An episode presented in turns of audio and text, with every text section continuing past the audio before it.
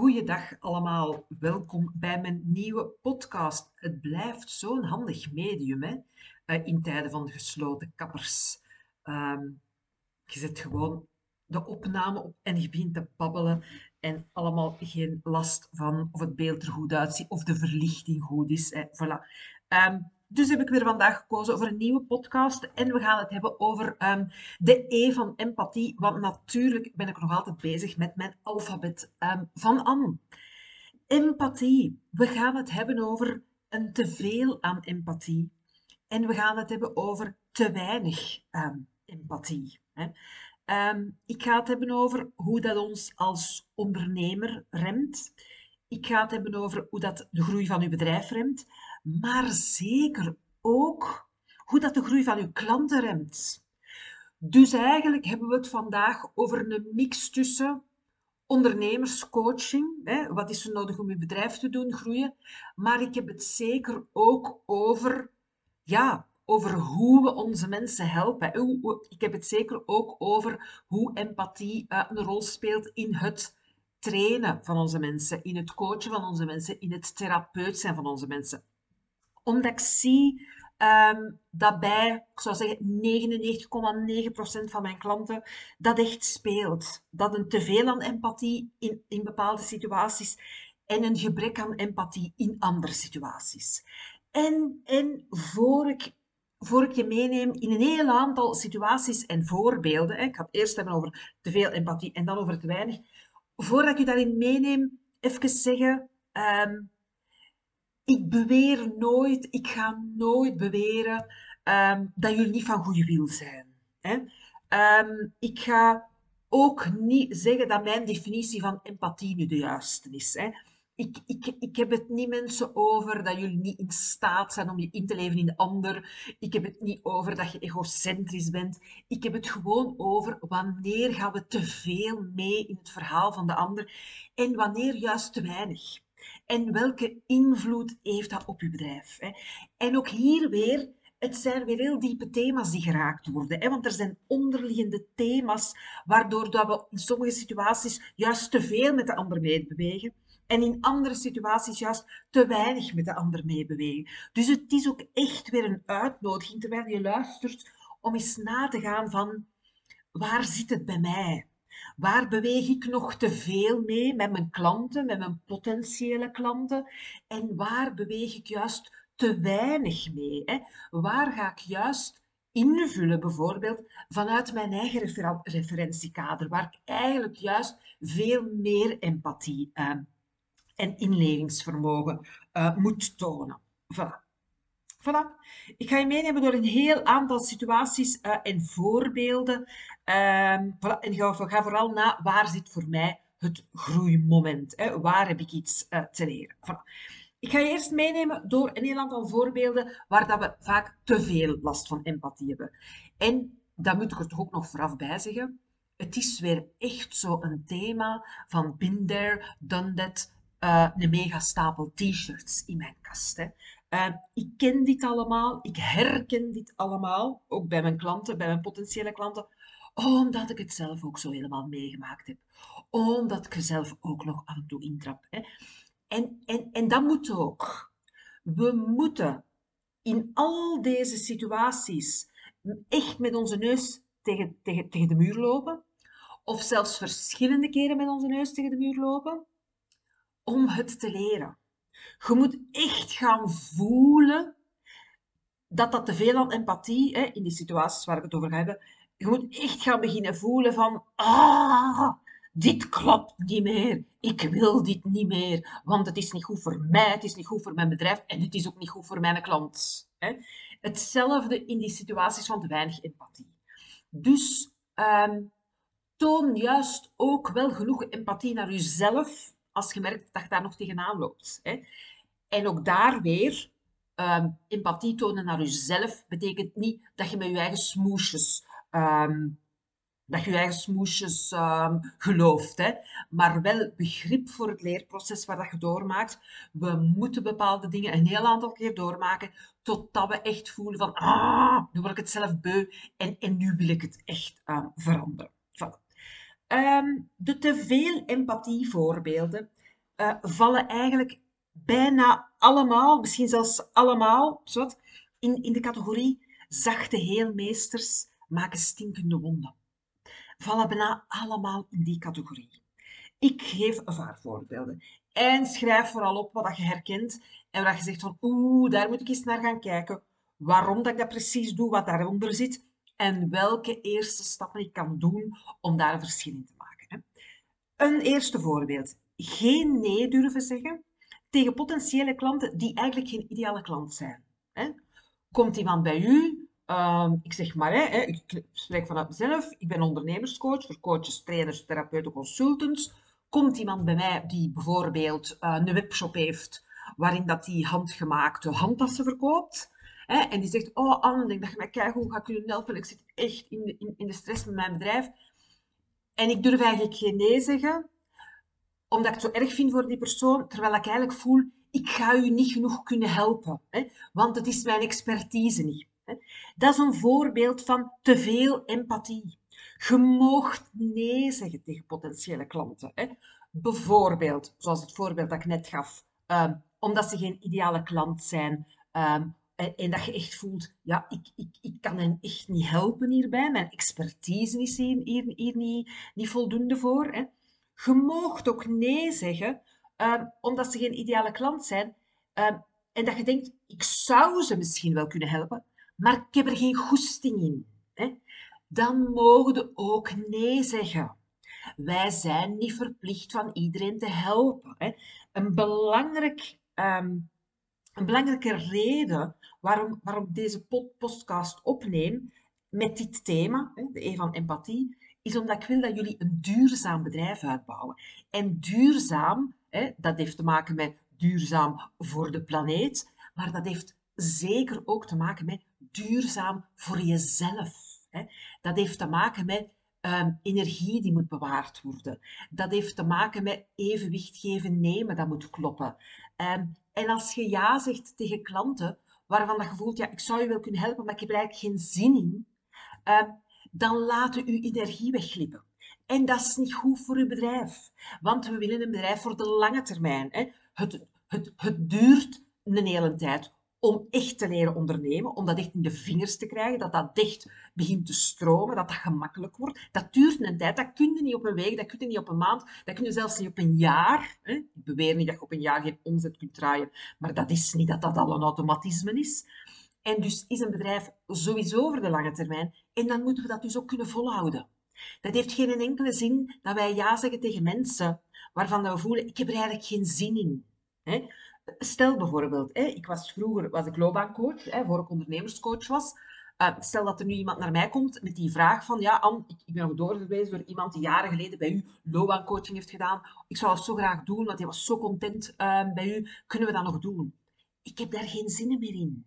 Ik, ik, krijg daar geen goesting. Ik voel dan niet van, oh ja, daar heb ik zin in.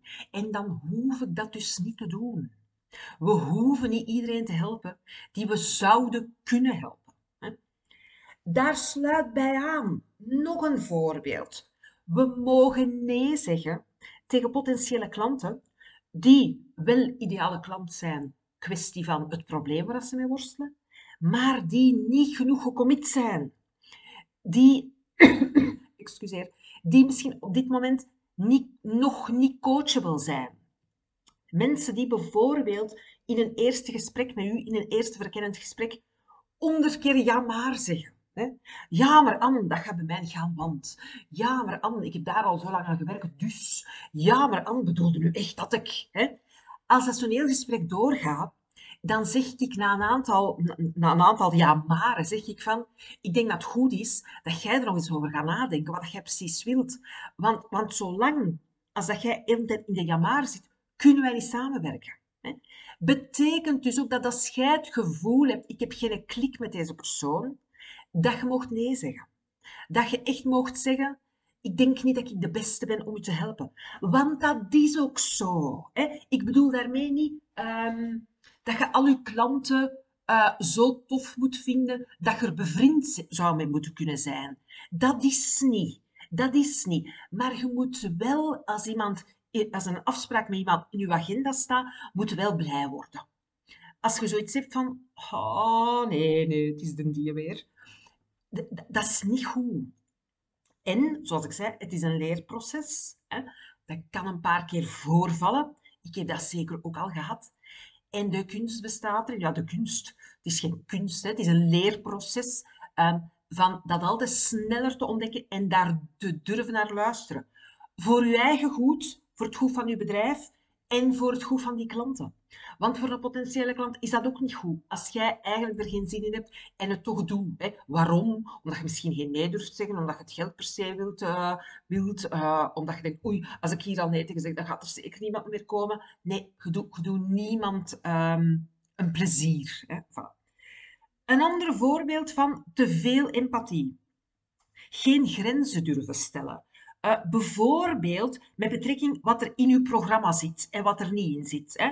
Om, een, om een voorbeeld te geven, uh, ik heb een, een jaartraject uh, waarin mensen um, mij de hele tijd vragen mogen stellen via Facebook. Ja, er zit, zit toch van alles anders in het jaartraject, hè, maar, maar als ze tussendoor vragen hebben, dan is het via de Facebookgroep. Die mensen mogen mij dus niet mailen. Hè. Af en toe mailt er mij natuurlijk iemand. En daar is op zich niks mis mee dat af en toe iemand mij mailt. Wat er wel niet goed zou zijn, is als ik over mijn grenzen zou gaan en op die mails zou antwoorden. Dus er komen regelmatig mailtjes van mensen die, die dat misschien niet goed begrepen hebben, of van mensen die denken, wat is nu het verschil, Facebookgroep, mail, ga, ik ga even mailen, dat is handiger. En dan is het dus mijn taak om terug te mailen, oh, prima, uw vraag, en zet ze even in de Facebookgroep, dan kom ik er graag op terug. We tonen dikwijls veel te veel empathie, dat eigenlijk niet is een te veel aan, aan, empathie, maar dat is een te weinig durven grenzen stellen. Hè. En we verkopen dat dan misschien aan onszelf als, ja maar, ja, maar dat is toch erg voor die klant. Als ik dat dan moet gaan zeggen, hè, wordt die dan niet gekwetst? Wijs ik die dan niet af? Nee, je zorgt goed voor jezelf. En tegelijkertijd, en dat is iets dat, is iets dat mij daar elke keer weer enorm in helpt, uh, tegelijkertijd uh, leerde ook aan uw klanten hoe zij met hun klanten kunnen omgaan. Hè? Hoe kunnen wij ons klanten leren um, van, van, van, van, van, van hun leven goed te leven? Want ik zeg nu, ik leer aan mijn klanten hoe zij, mij, hoe zij met hun klanten kunnen omgaan. Bij heel veel van jullie is natuurlijk niet dat jij je klanten leert hoe zij met hun klanten kunnen omgaan, maar je geeft wel een voorbeeld. Hè? Als je een relatiecoach bent, geef je in het coachingcontact een voorbeeld van hoe relaties kunnen lopen. Hè? Uh, als je een kindercoach bent, um, dat, dat, geeft een voorbeeld van hoe relaties gaan. Hè? En ik vind het dus ontzettend belangrijk dat we daarin een voorbeeld zijn. Hè? En als ik zeg een voorbeeld zijn, betekent dat dus niet perfect zijn in alles. Want als je perfect moest zijn in alles, dan moest ik al lang gestopt zijn met mijn bedrijf. Maar wel telkens opnieuw zien, hey, hey, klopt dit wel? Hè? Ga ik hier niet over mijn grens? Hè? Een ander voorbeeld van over de grenzen gaan is continu over mijn tijd gaan. Hè? Uh, sessies hebben van, zeg maar iets, een uur en dat het continu een uur en een kwartier wordt. Of een uur en een half, omdat je je klant niet durft afbakenen. Terwijl het zoveel veiligheid geeft voor jezelf, maar ook voor je klant als je durft afbakenen. Dan hoeft niemand zich schuldig te voelen. Dan hoeft niemand zich wrokkig te voelen. Hè. Dan is het gewoon heel duidelijk waar dat je recht op hebt. En dan kun je binnen, binnen dat kader van waar dat je recht op hebt, ook volledig alles vragen. Hè. Mijn klanten weten, oké, dat mailen mag niet, maar binnen de Facebookgroep kan ik alles vragen. Al zijn het tien vragen per dag. Hè. En dat is een hele belangrijke. Baken heel duidelijk af. Um, wat er in je programma zit en wat niet. En hou je daaraan. Voor jezelf, maar ook omdat je een voorbeeld geeft naar je klanten. Voilà. Een ander voorbeeld van te veel empathie. Denken, ja, ik ga lage tarieven vragen, want mensen gaan dat niet kunnen betalen. En ik moet toch iedereen kunnen helpen? Uh, nee. Nee, begin dan vrijwilligerswerk, mensen.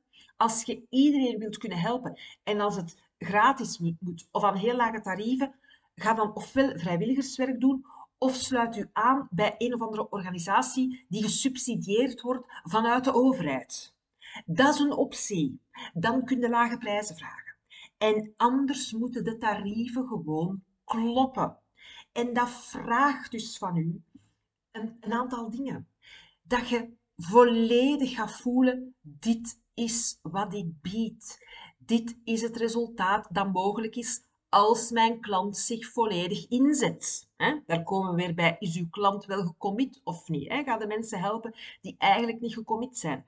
Want als uw tarieven te laag zijn, gaan er veel meer klanten aantrekken die eigenlijk toch niet gecommit zijn. Of die niet extra in gang gezet worden door het commitment van de betaling. Mijn eerste ondernemerscoach zei, als je, als je zo'n lage tarieven vraagt, dat mensen het zich kunnen veroorloven om hun probleem in stand te houden, hè, om bij manier van spreken, ja, ik spreek nu even voor therapeuten, om bij manier van spreken, jarenlang, elk twee weken op een sessie te komen, als uw tarieven zo laag zijn dat mensen zich dat kunnen veroorloven, dan gaan ze ook niet veranderen. Bedoel ik daarmee dat je dus ehm, helemaal niet goed moet zijn in je vak als coach of trainer of therapeut en dat je maar gewoon veel geld moet vragen en dan komt alles in orde. Nee, dat ook natuurlijk niet. Maar er is echt een, een gedeelde verantwoordelijkheid. Hè? Jij hebt de verantwoordelijkheid van uw kennis over te dragen, van de juiste vragen te stellen, van bij het proces te zijn. Uw klant heeft de verantwoordelijkheid om er aan, mee aan de slag te gaan. Hè? En het proces van de klant overnemen, de verantwoordelijkheid van de klant overnemen, is veel te veel empathie. Daar helpt u zelf niet mee, want je neemt dingen op je schouders die je toch niet onder controle hebt. Die je toch niet onder controle hebt. Hè? Ehm, ik heb bijvoorbeeld een online programma. Ik heb niet onder controle of iemand de modules bekijkt en de opdrachten in de Facebookgroep zet, zodat ik er um, feedback op kan geven. Ik heb dat niet onder controle. Als ik dat toch op mij neem, geeft mij dat heel veel stress. Want ja, wat moet ik dan doen? Oh, ik moet dan misschien iedereen eh, eh, elke week mailen. Van, heb je de opdracht al gedaan? Ik heb nog niks in de Facebookgroep gezien. Wat is er aan de hand? En daar versterk ik mijn mensen niet mee. En dat is een hele belangrijke. Als we verantwoordelijkheid overnemen van iemand, dan versterken we die niet. Hetzelfde met kinderen. Ik neem even dat als vergelijking, zodat het misschien nog duidelijker wordt. Als een kind bepaalde taken al kan en we nemen die taken over, kan een kind het zelfvertrouwen niet opbouwen van hé, hey, ik kan dit ook. Als een kind al zelf uh, melk in zijn beker kan inschenken, dan nemen we die een stuk zelfvertrouwen af door dat over te nemen. Ik bedoel daarmee niet dat je kind een niet mocht verwennen. Hè? En, en, en als, als het heel druk is of zo, dat je een keer niet de melk mocht inschenken. Hè? Van de week, was dat van de week? Ja, ik geloof de maandag of zo. Had, mijn dochter zich, uh, zich uh, heel erg overslapen. Normaal staat ze heel vroeg op en dan heeft ze heel veel tijd om, om s morgens uh, zich klaar te maken, want, ze heeft graag veel tijd. En nu was haar wekker niet afgegaan en, en om kwart voor acht wordt ze wakker en ze moet om, om half negen op school zijn. En dan heb ik ook wel even haar sandwichje gemaakt om mee te nemen. Dus ik zeg niet dat we een kind niet mogen verwennen. Ik zeg niet dat we niet mogen zorgen voor onze klanten. Maar er is een groot verschil tussen een keer iemand verwennen, een keer voor iemand zorgen en de verantwoordelijkheid voor wat niet van u is, toch op u nemen. Want daar wordt je zelf niet sterker van en daar wordt uw klant niet sterker van. Heel, heel belangrijk.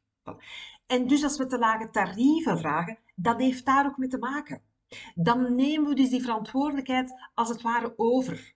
Dan beslissen wij voor de klant, ja, die gaat dat niet kunnen betalen. Hè. Terwijl, laat alsjeblieft die verantwoordelijkheid bij uw klant om dat geld bij elkaar te krijgen. Ehm, het getuigt niet van geloof in onze klant. Als wij voor onze klanten beslissen, ja, maar ja, die gaan dat niet kunnen betalen. Want wie ben jij om te beslissen of het is niet kunnen betalen of niet willen betalen? Heel belangrijk onderscheid. Nog een voorbeeld waar dat we veel te veel empathie tonen. Veel te veel empathie. Meegaan in alle interne bullshit van uw klanten. En dan bedoel ik zowel klanten als potentiële klanten. Hè. Uh, meegaan in alle interne bullshit van uw klanten. Ja, dat is bijvoorbeeld niet durven benoemen wat je ziet bij je klant, omdat je denkt, oei, dat is kwetsend. Hè? Um, oei, mijn klant heeft het toch zwaar. Hè? Oei, ja, dat gaat mijn klant niet kunnen. Nee, mensen betalen ons om te benoemen, om te confronteren. Hè? Nu wil ik niet zeggen dat iedereen dat op dezelfde manier moet doen als dat ik dat doe. Hè? Want ik hou wel vaak van confronteren. Ik kan heel blij worden als er zo een roze olifant midden in de kamer staat en ik, mag, en ik, kom daar binnen en ik mag zo zeggen van hé hey mensen, die roze olifant, van wie is die eigenlijk? Ik, ik word daar heel blij van. Hè? Ehm, en, en, niet iedereen moet daar even blij van worden. Niet iedereen ehm, uh, moet dat op dezelfde manier doen als ik dat doe? Absoluut niet. Maar dat is wel ons taak. Als we, als we meegaan in alle interne bullshit van onze klant, in alle gremlins, um, dan helpen we onze klant niet. Ik zeg niet dat we geen empathie mogen tonen voor hoe moeilijk het soms is, hoe zwaar het soms is, um, maar we gaan niet mee uh, we, we, gaan niet mee in wat de gremlins ons vertellen. Hè.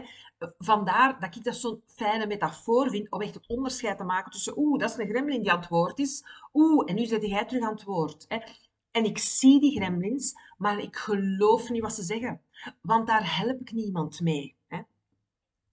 Een ander voorbeeld hè, van niet meegaan in die interne bullshit van uw klant, en waar we vaak veel te veel doen, is ook tijdens het verkoopsgesprek. Hè. Dus mensen die zeggen van, ja, ik, heb, ik, ik, zou het wel willen doen, in uw programma, maar ik heb geen tijd. En dat we dan zeggen, ah ja, jammer.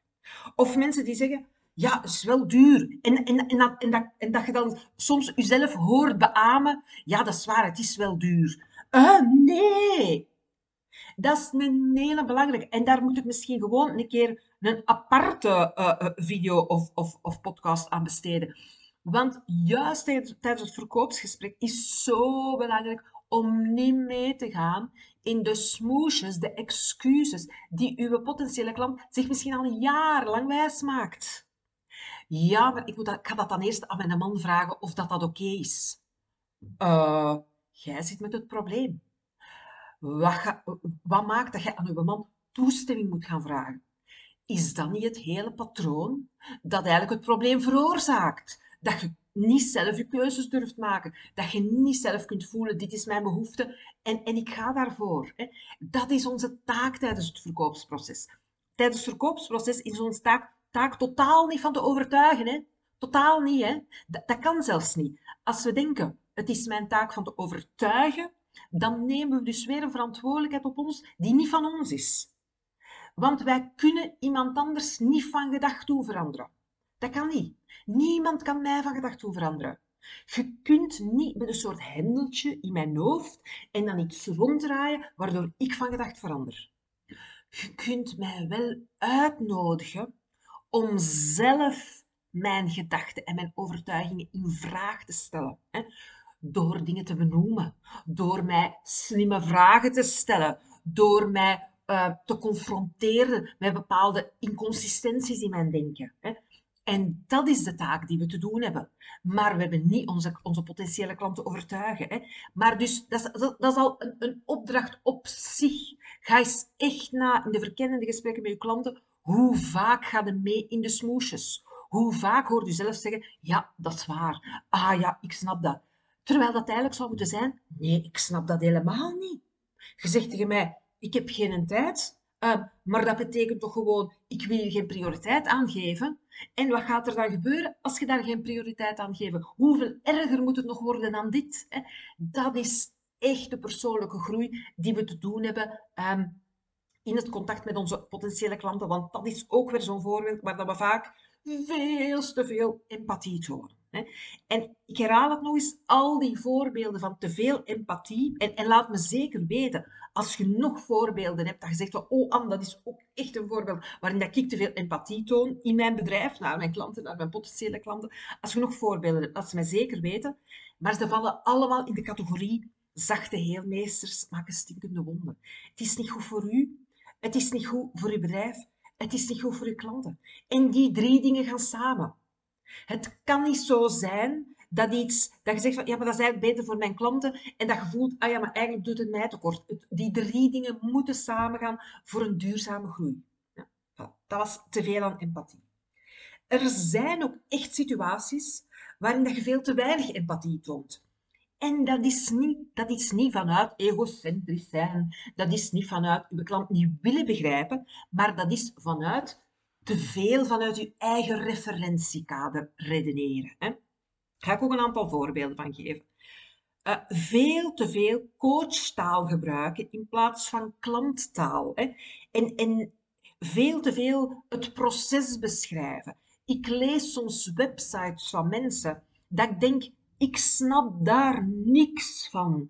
Dat gaat dan over bepaalde methodes. Dat zijn allemaal coachwoorden. En, en alhoewel dat ik zelf natuurlijk ook opgeleid ben als coach, snap ik zelf de, de, de abstracte coachwoorden heel vaak niet. Hè. Um, dus echt zo de, de, de, wollige, zweverige coachtaal, in plaats van te praten en te schrijven in klanttaal. En wat bedoel ik met klanttaal? Dat bedoel ik, uh, waar ligt uw klant echt wakker van? Wat zegt uw klant echt letterlijk, letterlijk tegen zichzelf als die om vijf uur s morgens wakker wordt en dan, je kent dat, hè, vijf uur s morgens wakker worden. Allee, ik ken dat in elk geval, voor vijf uur s morgens wakker. En dan, ping, begint er zo'n gedachte. Want eerst denkt u nog, oh, vijf uur, ik ga nog even slapen. Ik ga me omdraaien. Ik moet dan altijd eerst even naar de wc. Was wat? Ja, de wc, ik loop terug in bed. En ondertussen is er zo'n zo, zo geniepige gremlin wakker geworden. Hè? En die plant zo'n gedachte in je hoofd. En dan denkt je, ah, dit raakt nooit opgelost. En op zo'n momenten, wat zegt uw klant dan letterlijk tegen zichzelf? Hè? Um, als dat bijvoorbeeld gaat over uh, een manager die, um, die, die, die, die, die van alle, weet een manager die pas manager geworden is en die, die denkt van, goh jongens, ik, ik, ik heb er precies al spijt van dat ik die promotie heb aangenomen, want morgen is er weer een vergadering met het team en dat gaat weer een heel gedoe zijn, dat gaat weer veel langer duren. Uh, iedereen gaat weer zeggen, ja, ja, we gaan dat doen. En na afloop gaat er weer niks gebeuren. Dat is wat die mens tegen zichzelf zegt. Hè. Iemand gaat niet wakker liggen om vijf uur s ochtends en, en denken, oh, mijn communicatie is niet goed genoeg. Nee, en, en dat, is de, dat is waar we echt empathie en inlevingsvermogen nodig hebben. Wat zegt uw klant echt tegen zichzelf? Hè? Waar verlangt uw klant echt naar? Uh, ik, eh, ik, las bijvoorbeeld van de week een of ander document na van, van, een klant en die zei, mijn klanten willen verbinding. Maar sorry, wij willen geen verbinding. Voor verbinding uh, betaal ik geen duizenden euro's. Hè? Dus echt gaan zien wat is het echte verlangen van de klant en hoe verwoordt hij of zij dat. Hè? Een hele, hele belangrijke. Um, want, en dan haal ik de uitspraak van Anthony Robbins nog eens bij, die, die ik uh, regelmatig vertel. Mensen, mensen veranderen pas, ofwel als ze voelen, dit doel is zo belangrijk, ik kan geen dag langer zonder, of als ze voelen, mijn huidige situatie is zo erg, ik, ik, ik verdraag dit geen dag langer. En dus moeten we echt zo concreet mogelijk zijn. Hè? Um, waar ligt de echte pijn? En wat is de echte druppel die maakt dat iemand zegt, en nu is het genoeg geweest. Nu zoek ik iemand die me daarbij kan helpen, want het is genoeg geweest. En het kan me eigenlijk niet schelen wat het gaat kosten, want mijn pijn is te groot. Dus daar hebben we vaak veel meer empathie nodig. Het tweede, en het sluit erbij aan, ik heb het al een beetje verteld, maar ik wil het toch nog eens expliciet zeggen. We tonen ook veel te weinig empathie als we onze methode proberen te verkopen. Klanten zijn niet geïnteresseerd in een methode. Uh, het zal me worst wezen welke methodes dat mijn coach allemaal gebruikt. Ik ben alleen maar geïnteresseerd in dat ik mijn bedrijf kan doen groeien. En dat ik weet dat als ik met iets zit, dat zij mij daarbij kan helpen. En hoe dat ze dat doen, mensen, waarin dat ze opgeleid is. Het zal me echt letterlijk worst wezen. Wat natuurlijk nodig is, is dat ik het vertrouwen krijg van zij gaan mij kunnen helpen. Maar dat, gaat, dat, dat doe je niet, dat vertrouwen krijg je niet door uw methode te verkopen. Want wij kennen uw methode niet. Of als we uw methode wel kennen, dan hebben we er een volledig verkeerd beeld van. En dan denken we, oh, dat wil ik niet hebben. Um, en en, en, en, en daarin, daarin tonen we dus veel te weinig empathie. Hè? Um, bijvoorbeeld, ik geef nu een voorbeeld uit een heel andere sector. Hè. Stel, um, ik ga een voorbeeld zoeken van... Ja, bijvoorbeeld ons, ons, het dak van ons huis uh, moet hersteld worden. Hè. Uh, dat is niet tof, hè? Dan komen er zo mensen op je dak, die moeten dan heel de tijd door je huis, hè, want wij hebben geen achteringang, die moeten dan heel de tijd door je huis. Het is de hele tijd lawaai. Uh, je denkt van, oh, nu ligt mijn dak open, als het maar niet gaat regenen ondertussen. Maar waarom doe je dat? Voor het resultaat. Hè? Omdat er nu een probleem is waar je een oplossing voor zoekt. Namelijk, wij hebben een aantal schouwen hè, waar, waar dat lekker rond zijn. Ja, dat is het probleem waardoor dat ik hulp gezocht heb. Maar ik ben niet geïnteresseerd in de methode. Ik wil niet weten hoe dikwijls dat die dat dak op en af moeten. Ik wil niet weten met welke materialen dat dat is. Eén, ik ken er niks van. En twee, ik begin toch heel de tijd te denken van oei, oei, werkt dat dan wel? Ik kent daar wel iets van? En wat dat er nodig is, is dat ik er vertrouwen in heb van deze persoon gaat dat met zijn expertise op de beste manier oplossen. En ik wil de oplossing. Ik wil niet heel die methode. Een ander voorbeeld waarin dat we zo vaak uh, veel te weinig empathie tonen, is als we allemaal gaan invullen voor de ander. En dat gebeurt ook bijvoorbeeld heel vaak tijdens verkoopsgesprekken. Ja, maar uh, uh, mijn klant gaat dat, die gaat dat toch te duur vinden. Die gaat dat niet willen. Oei, die is al met een verbouwing bezig, dus die gaat dat niet willen kopen. Oh, ik heb dat zo lang gehad, mensen, dat als er iemand bij mij kwam en die, en die vernoemde iets van een verbouwing, dan dacht ik al, oké, die kunnen we al schrappen. Die heeft er geld aan in een verbouwing gestoken, die, die, die gaat mij al niet willen betalen. Hè? Het is niet aan ons om te beslissen of een klant iets al dan niet wil kopen, of een klant iets al dan niet nodig heeft. En dat is ook heel vaak vanuit veel te weinig empathie en gewoon volledig in je eigen referentiekader zitten. En het belangrijkste dat je dan nodig hebt, is gewoon gaan luisteren en echt gaan zien waar je klant mee zit. Ik heb het de afgelopen uh, weken gehad. Hè. Ik heb een online programma en als mensen klaar zijn met dat online programma, dan bied ik die een vervolg aan. En dat vind ik altijd heel eng. Dat vind ik echt eng, want dan komt er natuurlijk van alles in. Dan denk ik, oei, maar zijn ze wel content van het online programma al om te beginnen? Um, hebben ze dat al hè, als genoeg waarde ervaren? Uh, willen, die nog wel, willen die nog wel verder? Want ja, dat vervolgprogramma is dan ook duurder, want dat duurt ook veel langer dan het online programma. En dan is de kunst altijd terug opnieuw. Uh, en dat zeg ik dan ook gewoon luidop uh, aan de mensen met wie ik dan zo'n gesprek heb om te kijken van hoe gaan we nog verder. Dan zeg ik gewoon, ik wil van u weten wat jij nog nodig hebt. Hè? En dan kan ik zien welk aanbod dat bij u past. En dat zet mij in een modus van, empathie. Van echt gaat niet, van, van niet vanuit mijn eigen referentiekader en dus vooral mijn eigen gremlins, heel de tijd te gaan denken van oei, die gaat, mij dat, die gaat dat niet meer nodig hebben. En die gaat sowieso al niet content zijn over het eerste stuk. En, en, en waarom zou die dit en waarom zou die dat? Dat zet mij daaruit en dat brengt mij terug naar echt contact.